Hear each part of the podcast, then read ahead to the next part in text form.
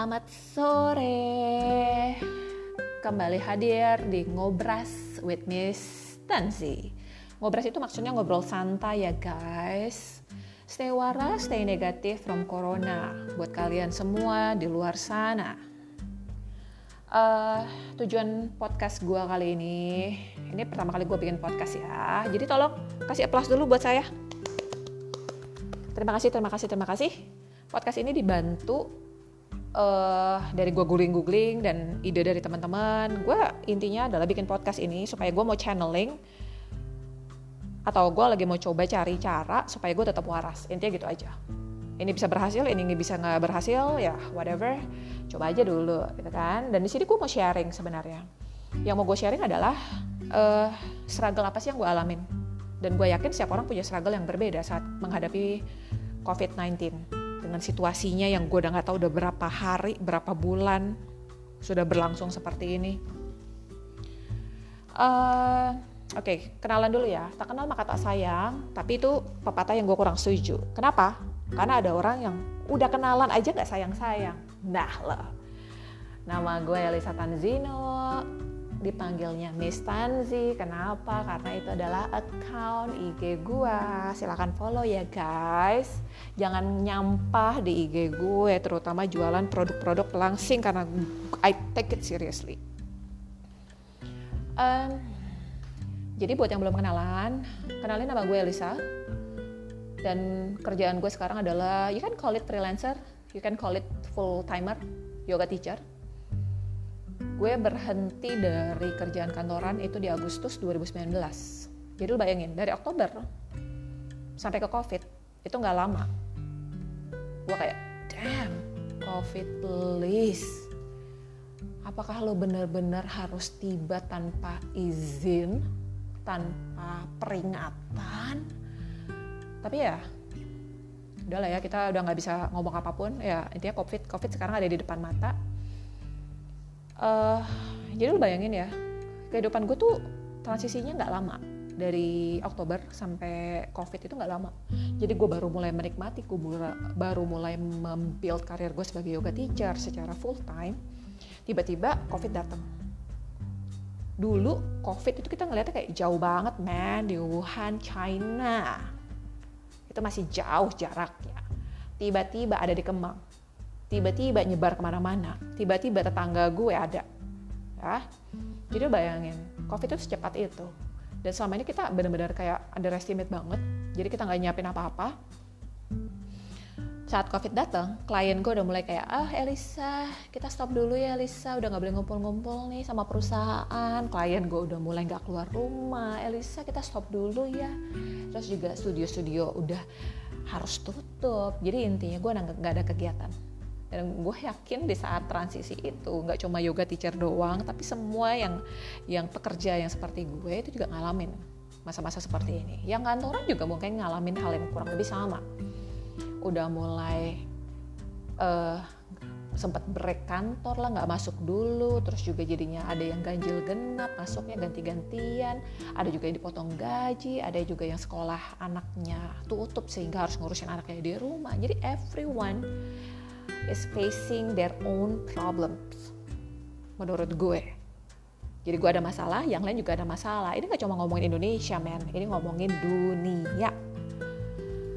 Di saat itu itu masa transisi yang buat gue berat banget. Selama 34 tahun gue hidup ini masalah yang istilahnya fase yang paling berat yang pernah gue alamin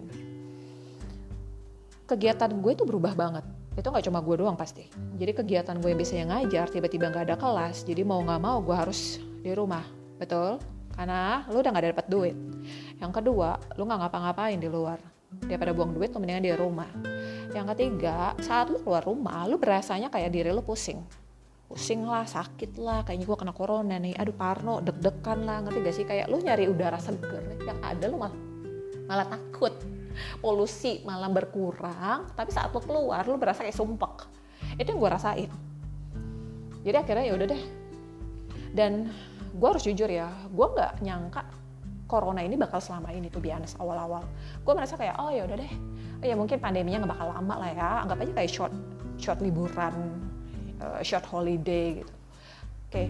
jadi di rumah yang gue lakuin adalah pertama gue udah, udah pasti gue tetap latihan yoga. Itu udah rutin banget. Yang kedua gue ngerasa kayak oke okay, gue harus kasih atensi full untuk fisik gue. Gue kudu banget jaga kesehatan gue makannya harus bagus olahraganya tetap karena gue guru yoga once gue harus back in track kehidupan normal gue nggak nggak jadi jompo gitu loh.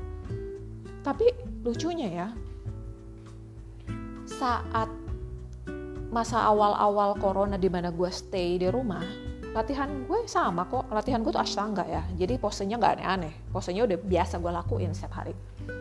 Tapi badan gue tuh acting up. Dalam arti tiba-tiba pergelangan tangan gue sakit. Pergelangan tangan gue sakit nggak tahu dari mana gengs. Dan itu sakitnya bisa sampai total tiga minggu. Sampai sekarang aja masih ada sisa nggak enak. Wrist gue tuh saking sakitnya gue tuh nggak bisa nenteng. Yang gue nggak bisa muter tangan gue ke dalam jadi gue nggak bisa nenteng belanjaan. Pakai tangan kanan gue pula. Terus udah gitu wrist gue belum beres sakit lah leher gue dan gue juga nggak tahu tuh gara-gara apa. Lo bayangin gue itu pribadi gue jarang banget cedera. Gue jarang banget cedera. Kehidupan normal aja gue aktivitasnya apa-apa apa gue jarang cedera. Tiba-tiba di rumah yang notabene lebih bisa gue kontrol karena gue latihan sendiri. Kenapa gue jadi cedera? Dan itu lama banget. Dan itu gue sampai mikir ya kenapa ya badan gue nih? Kayaknya ada yang aneh sama badan gue. Saat badan gue cedera kan otomatis fisik kegiatan fisik gue berubah. Jadi gue nggak bisa seaktif dulu. Saat itu gue belum nggak bisa masak terus udah gitu juga kebetulan di rumah gue nggak ada wifi mampus loh. Ya kan? Intinya kayak dan terus kehidupan gue juga banyak yang cuma di rumah. Jadi gue kayak oh ada apa ini cobaan apa ini badan gue kenapa nggak enak udah di rumah doang nggak enak pula kan? Kalau gue berobat juga keluar juga serem kedua kalau keluarin duit ketiga minta temen juga temen nggak segampang itu mau keluar karena kan kita lagi social distancing ceritanya. Tapi setelah gue pikir-pikir gitu ya dan gue percaya sebenarnya setiap kali badan sakit itu sebenarnya mereka mengirimkan sesuatu mengirimkan sinyal yang harus lo baca.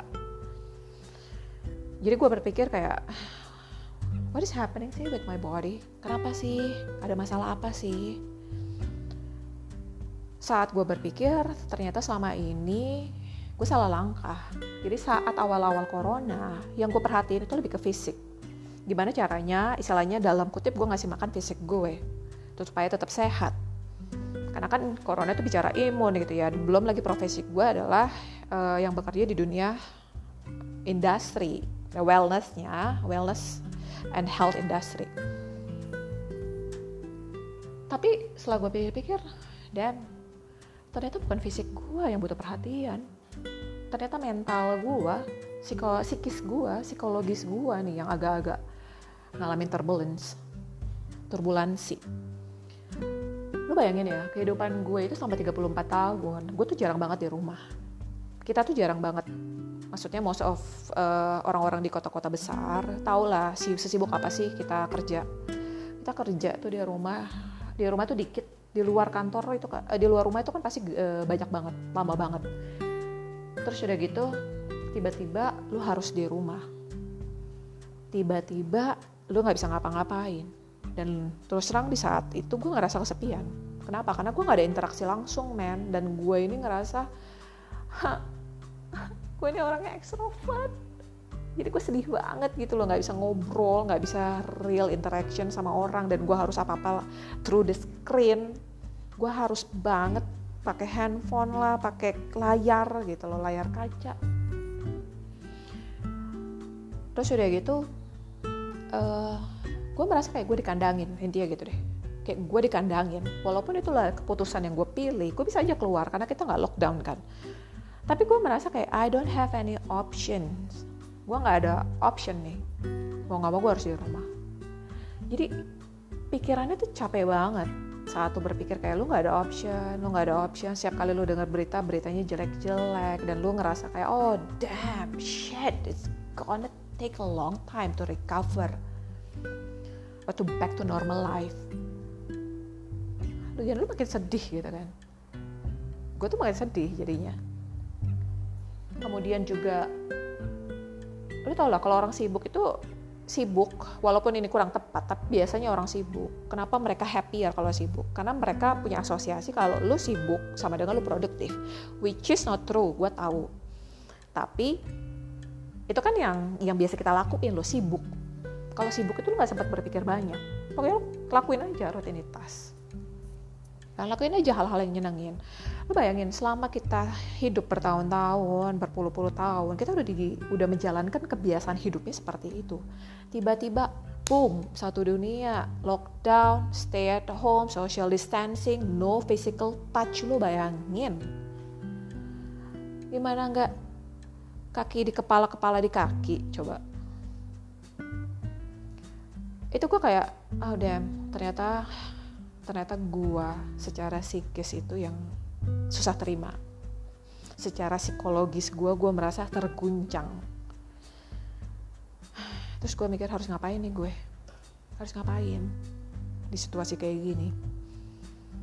Tapi semua situasi ya selalu ada deh dualismenya. Gak semuanya selalu positif gak semuanya selalu negatif. Begitu juga dengan masalah outbreak ini jadilah gue berkenalan dengan yang namanya meditasi tergar. Ada banyak jenis meditasi di luar, gak usah sedih. Tergar itu dari dulu gue selalu pengen datang, cuma jadwalnya selalu bentrok sama kelas gue Selasa. Uh, Selasa dan Kamis selalu bentrok. Akhirnya gue ikutlah online dan di situ gue ngerasa kayak oh finally I think this is the answer. Inilah jawaban dari kegalauan gue, kesedihan gue. Saat gue meditasi lo gak usah ngomong lagi deh betapa banjirnya gue kalau gue meditasi nangis mewek. Kenapa? Kenapa gue mewek? Karena di saat meditasi itu gue kayak punya kesempatan untuk berhadapan dengan rasa takut gue insecurity uncertainty semua perasaan-perasaan negatif semua perasaan-perasaan yang gue alamin di pikiran gue di badan gue apa pun itu deh dan itu muncul gitu loh saat gue meditasi. Ya buat teman-teman yang masih bingung meditasi itu apaan sih intinya meditasi bukan cuma diem aja ya atau tiba-tiba lu jadi kayak Buddha atau apa pun itu no. Ya kalau ngomongin tergar tergar meditation itu bicara tentang bagaimana sih meditasi itu membantu kita untuk melihat lebih jernih lagi and get in touch with our true nature dan di sini gue merasa terbantu banget. Kenapa? Karena gue jadi bersahabat gitu loh dengan dengan masa-masa sulit. Dan gue semakin bisa grounded ke present moment.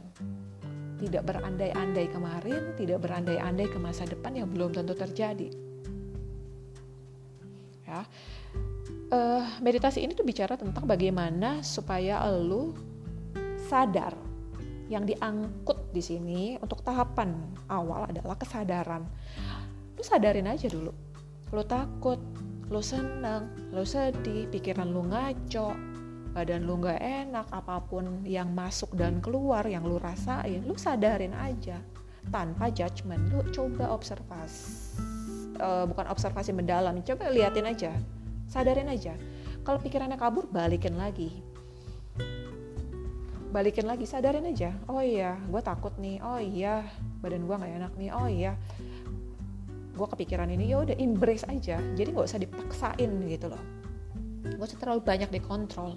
Karena karena at one point di posisi ini uh, kita ngerasa kayak ah damn gue nggak ada option.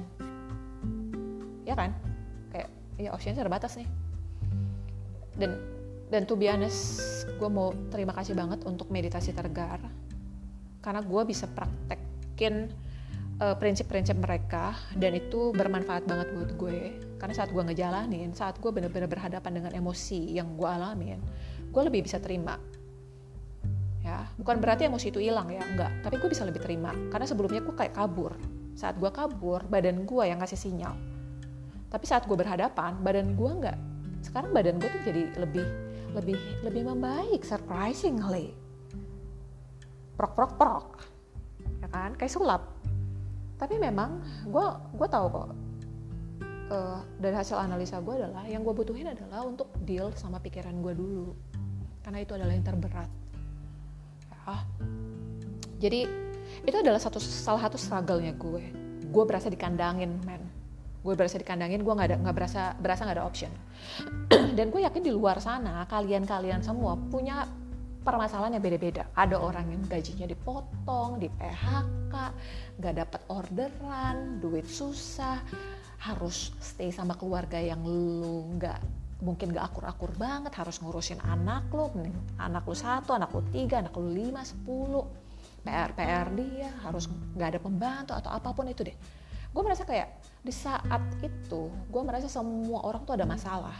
Jadi I didn't seek for any help saat itu tapi untungnya I believe that the universe let me untuk bisa kenalan sama jalur meditasi.